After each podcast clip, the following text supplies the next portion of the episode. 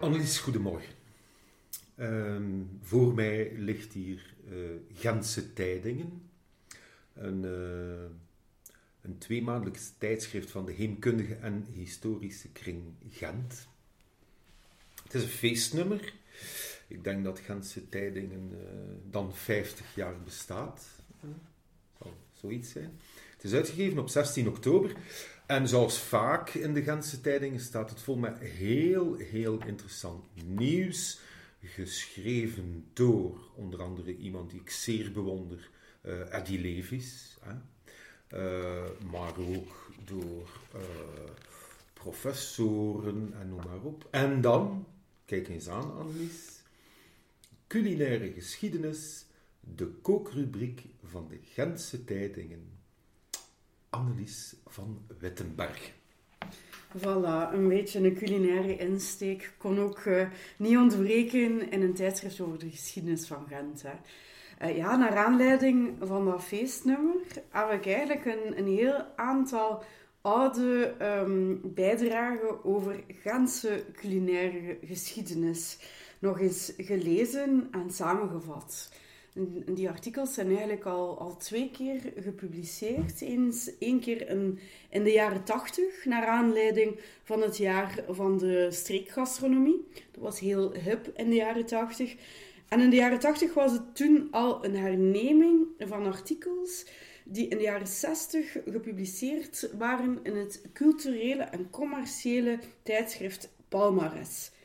Die uh, artikels zijn geschreven door Richard van Kenhoven. Dat is een heemkundige die bij het Huis van Alleen werkte. En die uh, ja, blijkbaar een heel um, positieve indruk heeft nagelaten. Want hij bracht daar leven in de barak door allerlei volkskundige manifestaties. En hij heeft eigenlijk zo'n beetje een... een uh, meer volkse culinaire uh, rubriek uh, geschreven voor Palmar Palmares en voor Gentse tijd, tijdingen. En ik heb de eer gehad om die eigenlijk samen te vatten. Oh, schitterend, ja. En ik zie het hier al. Hij maakt in zijn verhalen gebruik, want zijn vervolgverhalen, maakt hij ook gebruik van kleurrijke personages. Hè? Um, een Norse oude keukenpiet, een rancuneuze broer. Cis en een volkse tang te mailen. Ja, dus als je het niet wil lezen voor het eten, dan kunt je nog altijd lezen voor het verhaal.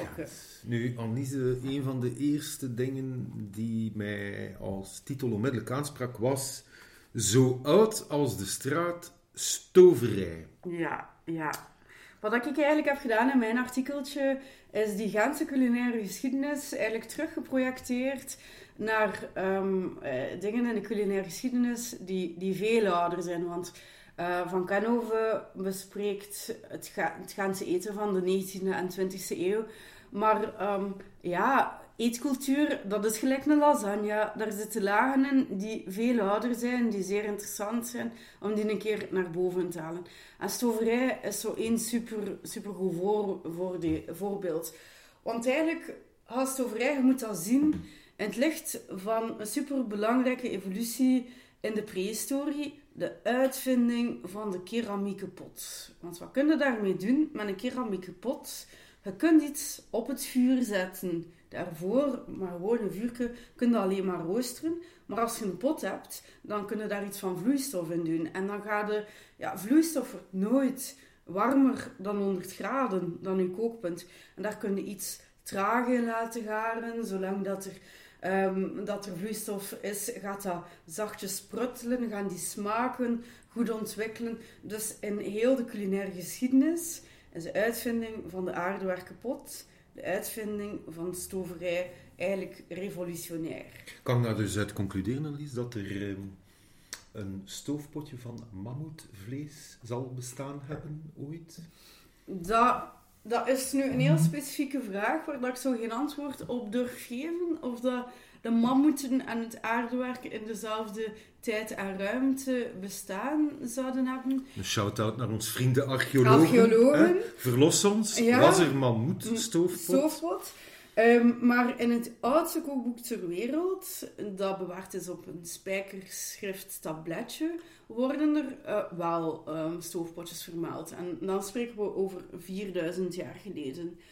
Ook in het Duitse kookboek uit de westerse cultuur, het Romeinse kookboek van Apicius, ongeveer 2000 jaar geleden, gaan we stoofpotjes hebben. En een stoofpot met everzwijn en dadels en pijnboompitten is super lekker. Of maar rundvlees, kweepeer en, en prei. Uh, dat is echt allemaal het, pro um, het proberen waard.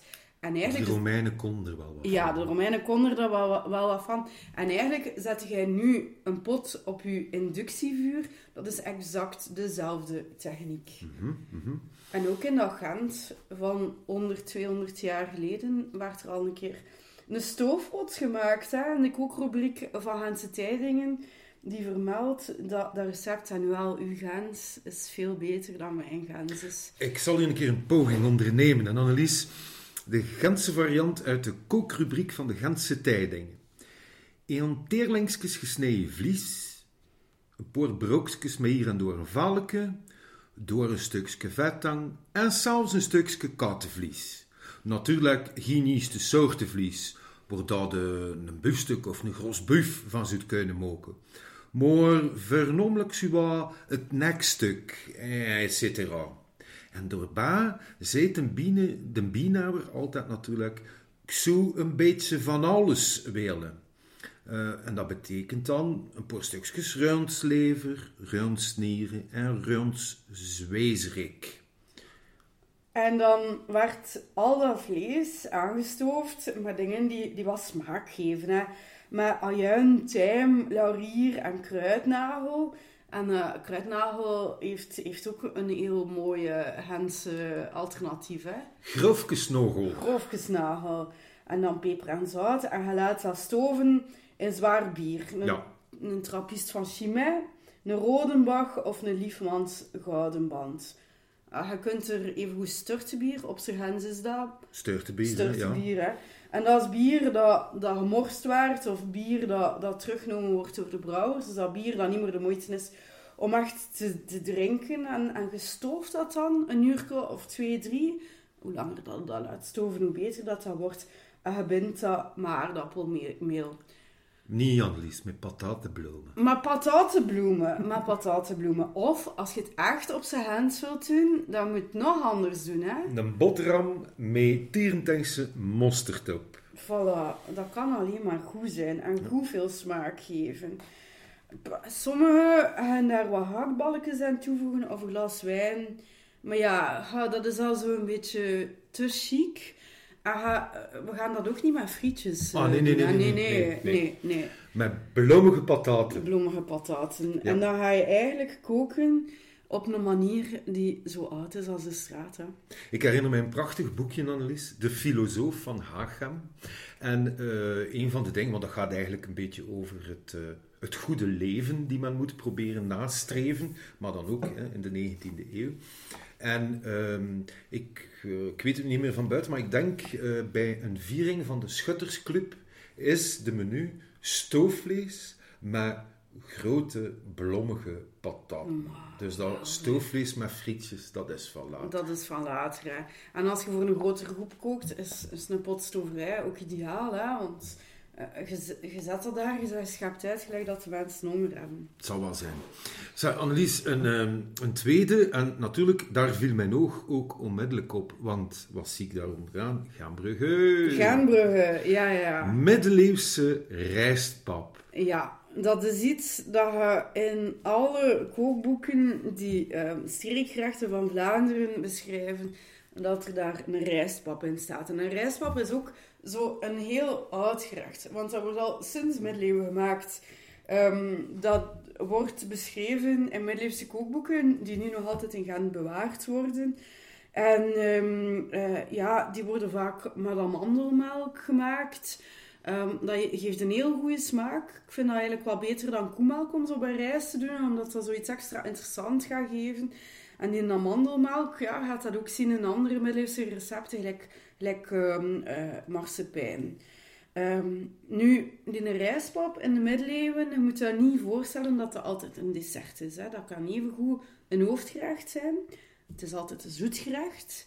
Maar je kunt dat even goed combineren met kip of met, met zoetwatervis. Ja, dat hebben we ondertussen al van u geleerd. Het smaakpalet van de middeleeuwer lag enigszins anders dan het moderne Voilà, smaakpalet. ja. hè. Een zoet hoofdgerecht, dat is, dat is perfect te verteren. We hebben dat nog altijd, hè, een frikandon met kriekjes. Maar bij ons is dat een beetje versteend in zo hele typische bereidingen. Worst met appelmoes, dan mogen je iets zoets maken eh, Ja. voor je hoofdschotel. Of bij konijn de pruim. De pruimen, ja, dat is ook een, een ouder gerecht. Maar in de middeleeuwen, die rijstpap, eh, ja, dat was iets dat zeer gegeerd eh, was. Had iedereen dat dan niet? Of was dat toch wel een, eh, een gerecht die in de betere kringen zag? Want ik vermoed, ja, daar komt toch wel het een en het ander van dure producten aan. Rijst zal niet goedkoop zijn. Rijst zal niet goedkoop geweest zijn. Plus, die werd dan op smaak gebracht met van die peperdure middeleeuwse specerijen, safraan, kaneel. Dus dat is zeker niet voor de arme mensen. In Gent, wat een zeer welvarende stad is, zouden kunnen veronderstellen, voorzichtig, dat er toch wel een groot deel van de bevolking al een keer rijst zou, zou kunnen eten. Maar het was niet de standaard. Nog een keer een shout-out voor de archeologen. Rijst, wordt dat teruggevonden in opgravingen? Ik ben zo een eh, die altijd in mijn boeken duikt. Hè. Ik lees die kookboeken. Maar een kookboek in de middeleeuwen, dat is voor iemand die kan lezen en die zich een boek kan permitteren, dus die wat Dat is wel gewoon een speciaal. Hè? Ja, maar dan zo wat later, in de tijd van Van Kenhoven, is die rijstpap wat democratischer. Want hij vermeldt zelf ehm, dat je naar Gentbrugge Ja, kunt afzakken. het zal wel zijn, Annelies. Naar Het zijn. zomerlief. Het zomerlief eh, Absoluut. van Boer Janssens Ja, ja, tegenwoordig. ja, ja, ja, ja. En daar kon je naar de, ehm, eh, een ritje maken op een ezelke of op een pony. Of gokken. Of op gokken. de ezelkoersen Op die de er waren. hè. Absoluut, En absoluut. eigenlijk heeft er redelijk lang nog ehm, bij Boer Janssen aan de Meersen zo een barakje gestaan. Ehm, dat, dat dan een beetje de kantine was, zeker hè, van die ezelraces. Ja, ja, ja, ja dat, was, eh, dat was enorm populair. Hè. En, en eh, je moet rekening houden, in die 19e eeuw heeft Gentbrugge de reputatie die, die, die, die Sint-Maartslaat aan de dag van vandaag heeft. Gentbrugge is eigenlijk de boeren buiten, waar dat je gaat gaan genieten van het goede buitenleven. En, en dat is dus eh, rijstpap met koffie. Men gaat onder andere in café De Drie Lindekes, waar je nu nog de overschot van ziet op de Voordries. Gaat men naar het orgel gaan luisteren, gaat men rijstpap gaan eten. En zegt men het, ehm, dan de rijke Gentse burgers, vooral dan de heren, enorm geïnteresseerd waren in het Genbrugse boerensnoepgoed. Of dat dat de rijstpap was, dat weet ik niet. Dat zou ook kunnen maken met het feit dan, er hier zeer schone deernis woonden. Kijk, er is niet veel veranderd. Hè. Er is niet veel veranderd. Maar ehm, ja, ehm, over de boerensnoepgoed, dat gaat een andere podcast zijn. Hè. We moeten dan een keer een andere podcast aan eh, wijden. Mensen die eh, goed luisteren naar de podcast, die kunnen misschien horen dat we af en toe een keer, eh, een keer drinken. Het is namelijk zo, het is de nieuwjaarseditie van onze podcast. En Annelies, die is mij komen verwennen met een heerlijk middeleeuws prijssoepje met mosselen en amandelmelk. Heerlijke tartiletjes. eh, allerlei kleine hapjes en een schitterende fles wijn Baron von Maidel, een Riesling.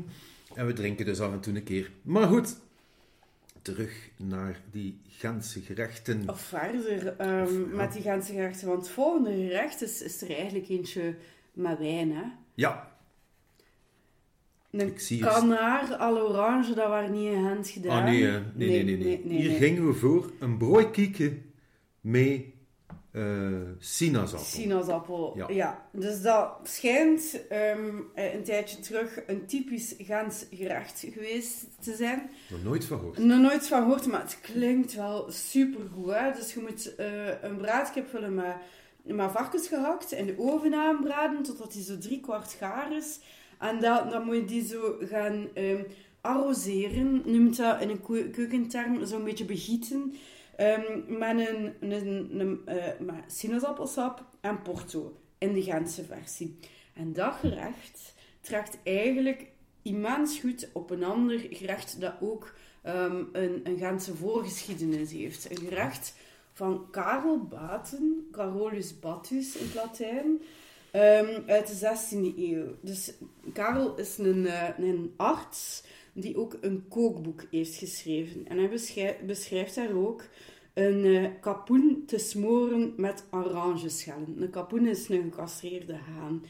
En um, uh, hij gebruikt um, uh, geen, um, geen combinatie van sinaasappelsap en porto, ah, nee. maar hij gebruikt rijnwijn en hij gaat ook een beetje op smaak brengen met kaneel.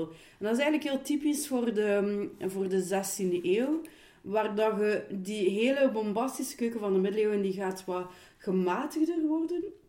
Er gaat geen kaneel en safraan en gember aan een gerecht toegevoegd worden. Hier is gewoon kaneel. En ze gaan nieuwerwetse ingrediënten gelijk citrusfruit gebruiken. En die combinatie van kip en, uh, en appelsien is eigenlijk ook wel heel goed. Ja, dat klinkt inderdaad uh, heel lekker, Annelies. Ik zet dat hier meteen op mijn lijstje om eens te proberen, gerechten. En zeker, het heeft, het heeft een, een, serieuze ganse pedigree, dat we zeggen. Nu, van Gentse PDG gesproken, 19e eeuw, ja, dat doet mij dan vooral denken aan waterzooi. Ja. En heel het verhaal van waterzooi met kijp, nee hè. Wat is nu de echte Gentse waterzooi volgens u nou Volgens mij, Annelies, maar pas op, ik heb natuurlijk ook al eens een boekje geschreven. Gentse waterzooi is waterzooi met vis. Met vis, hè. Punt aan de lijn. Ja, maar riviervis... Ja uit de Gentse binnenwateren. In de mate, hopelijk dat die niet te vervuild zijn. Dat er daar nog, wat is het, dat van, van zoetwatervis kunt hebben. Hè? Een paling, een barbeel, een karper, een zeelt, een snoek, een baars en een blik. Gaat ja. keus, hè? qua zoetwatervis. Ja, en de binnenwateren zijn er tegenwoordig uh, al beter aan toe. Maar ik zou toch nog de Gentenaars niet aanraden beste Gentenaars die luisteren, ik raad het jullie nog niet aan om de vis die op onze al iets propere binnenwater zitten, om die nu te gaan afvangen, om daar uw Gentse waterzooi mee te maken. Maar ik denk uh, dat de meeste van die vissen dan die in de handel verkrijgbaar zijn. Dat moet wel mogelijk zijn. Of bij een bevriende visser. Ja, ja. Zo, zoetwatervis is in het algemeen, zo behalve een paling, wat moeilijker te vinden. wat moeilijker te vinden. maar, maar er zijn genoeg visputten rond het Gentse, waar voilà. andere vissers rondzitten. Voilà. En ik denk dat je in ruil voor een paar euro's wel aan je vis kunt geraken maar vertel een keer, hoe gaan we dat dan eigenlijk gaan klaarmaken, zo'n henswaterzooi? Volgens Van Grenhoven zijn er eigenlijk drie manieren die wat chiquer of wat minder chic zijn. In de eenvoudige versie maakte hij een bouillon van uw vis en van peterseliewortels. Uh, peterseliewortels, dat, dat, dat is een beetje gelijk een pastinaak. Ja, heel lekker. Heel lekker. Ja, het is misschien ook wat, wat zoeken om eraan te geraken. Maar zo in de, in de, bij de betere groenteboer gaat het, gaat het wel vinden. Um, dus in de eenvoudige versie gaat je gewoon een bouillon trekken. Je gaat die niet zeven. Je gaat die dan in zijn geheel met je vis en je peterseliewortels een beetje opwerken met boter en citroensap. En gaat dat zo serveren. Ja. Maar voor een zondag kan het al een keer wat chiquer Dan mag het al een keer iets meer zijn. Hè? We doen ons proper kostuum aan, we gaan dan ook iets chiquer ja.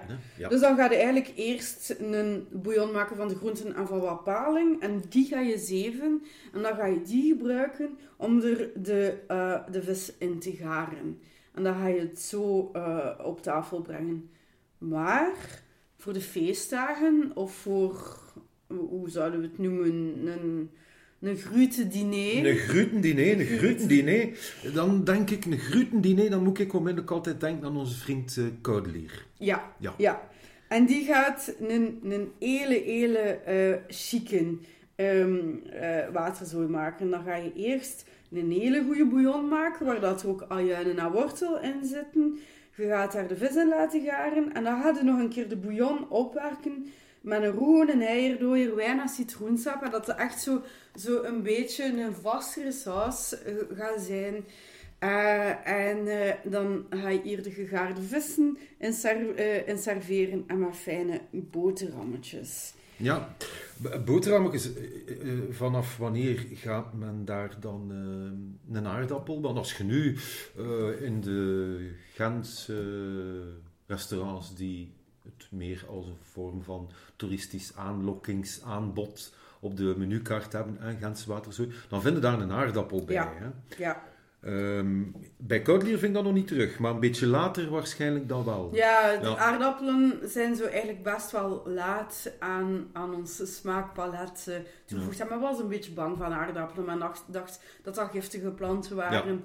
Um, dus, uh, maar uh, ja, beschrijft eigenlijk zelfs, en ik ga het u weer laten voorlezen in het Gent, dat Gent eigenlijk wel zelfs bekend is voor um, uh, zijn restaurantjes waar dat de water zo kon eten. Hè? De geur van de peterseliebeurtel, maar vooral de appetaat van de gasten, mookt het vernomelijk aantrekkelijk om deze spaas uit te voeren. Eender dood. De plootsen, waar dat een soort van malottes beraad zijn, zijn van 2 tot 3 kilometer van de stad afgelegen. A, die zich door naartoe begeeft, komt er verhongertang en er wacht er alvorens iets opgediend wordt. Iets ongelooflijk lekkers. Waarbij dat zane als gemiel zo'n tolle. Ik moet nu wel zeggen, uh, Annelies, dat ik begot zelf bijna niet begrepen heb wat ik, ja, wat ja. ik gelezen heb. Maar ik begrijp het, als ik het nu eens rustig bekijk, dat de geur van de peterselie wordt die de appetijt van de gasten uh, al wakker maakt. En dat de spijs zeer aantrekkelijk is. Maar dat je toch een beetje moet gaan zoeken naar de plaatsen waar dat je hem kunt gaan eten. Een kilometer of twee buiten de stad. Daar is een verklaring voor. Namelijk, in de stad zal op dat moment het binnenwater al zo vervuild zijn dat die vis daar al lang dood is. Dus je moet hem al buiten de stad gaan eten vooraleer dat ze aan vis komen. En dat, als je zo'n schone wandeling van 2, 3 kilometer afgelegd hebt, het honger. Hè. Ja, en dat is eigenlijk wat dat, wat zegt. Hè. Dat is natuurlijk Nederlands uit de 19e eeuw. Hè. Dat is niet hetzelfde gelijk dat wij het nu zouden schrijven of makkelijk zouden verstaan. En hij zegt dat door die 2 à 3 kilometer te, uh, te stappen, dat je op een andere meer verlekkerd uitkijkt naar hetgene wat dat, dat je bij jezelf maar gewoontjes zou vinden. Eigenlijk, honger is de beste saus. Nu, uh, een vrees gewoon hier ook in de artikel is, is uh, dat men in de jaren 60 al opmerkt in Gent dat er veel mislukte kiekenfritters zijn die een oudere waterzooi met kip maken. Ja, dat is... Uh, ja. En ik lees hier geen dan... doeningen, hè? Nee, dat is geen doening. En ik lees hier dan bij, wie creatief aan de slag wil gaan met het originele recept, kan waterzooi maken met kabeljauw. Ja, want dat vermaalt... Uh, um, dat is de enige zeevis die Codelier dan uh, opgeeft. Ja, ja. En dat werkt, dat is super lekker. Kijk, net vrouw Anis, u kende, het dat al een keer geprobeerd? Ik heb dat al een keer geprobeerd, een goede kabeljauw. En uh, kabeljauw heeft eigenlijk ja, een vrij neutrale smaak. En peterseliewortel, dat is, ja, dat, is, dat is eigenlijk redelijk zoet. En dus die twee, en met dat fijn sausje, dat is eigenlijk een zeer goede combinatie. En ook echt niet de smaak die je van water zo zou verwachten. Dus echt wel een, uh, uh, iets om een keer uit uh, te proberen. Annelies, we gaan, we gaan naar 1418. Ja. in Gent, prachtig boek. Het Gentse etappeleven van Heinrich Wand. Mm -hmm. Wat leerde daaruit? Dat is dat in Gent in de Eerste Wereldoorlog vooral voor de Duitsers enorm meeviel. Gent is een etappestad, wat betekent Wein, Weibe und Gesang. De Duitsers komen hier uitrusten. Veel van die officieren komen zich hier uh, dik en rond eten. Uh, om dan nog maar te zwijgen van uh, alle andere activiteiten die ze doen. Maar jij hebt iets zeer leuks gevonden, namelijk oorlogsmayonaise. Ja. Gent is inderdaad op vele manieren gespaard gebleven in de Eerste Wereldoorlog. Maar um, in één aspect was toch wel een stuk moeilijker dan in vredestijd. De aanvoer van voedsel, dat gebeurde niet zo vlotjes. Hè? Dus um, het was soms een beetje roeien met riemen die je had op um, culinair gebied. De Duitsers eisten ook eten op. Hè? In Ah, ja. 17 um, wordt alle wijn opgeëist en ook de hazelnoten en walnoten oogst. Dus ehm, wie dat kookt, gaat allerlei creatieve manieren moeten aangrijpen om, om toch het eten te hebben. Hè? Ja, nieuwe ingrediënten, proberen gelijk mais of cerealine, dat is een soort cornflakes. Maar gaat clandestien meel uh, gaan malen op zoldertjes. En blijkbaar die mensen die dan van die zolder terugkwamen, die, die zagen er verdacht wit uit. Um, uh, mastellen worden gemaakt met aardappen en peperkoek, met, met kunsthoning. En er worden allerlei oorlogskookboekjes op de markt gebracht. Niet alleen in Gent, maar ook in andere delen van Europa.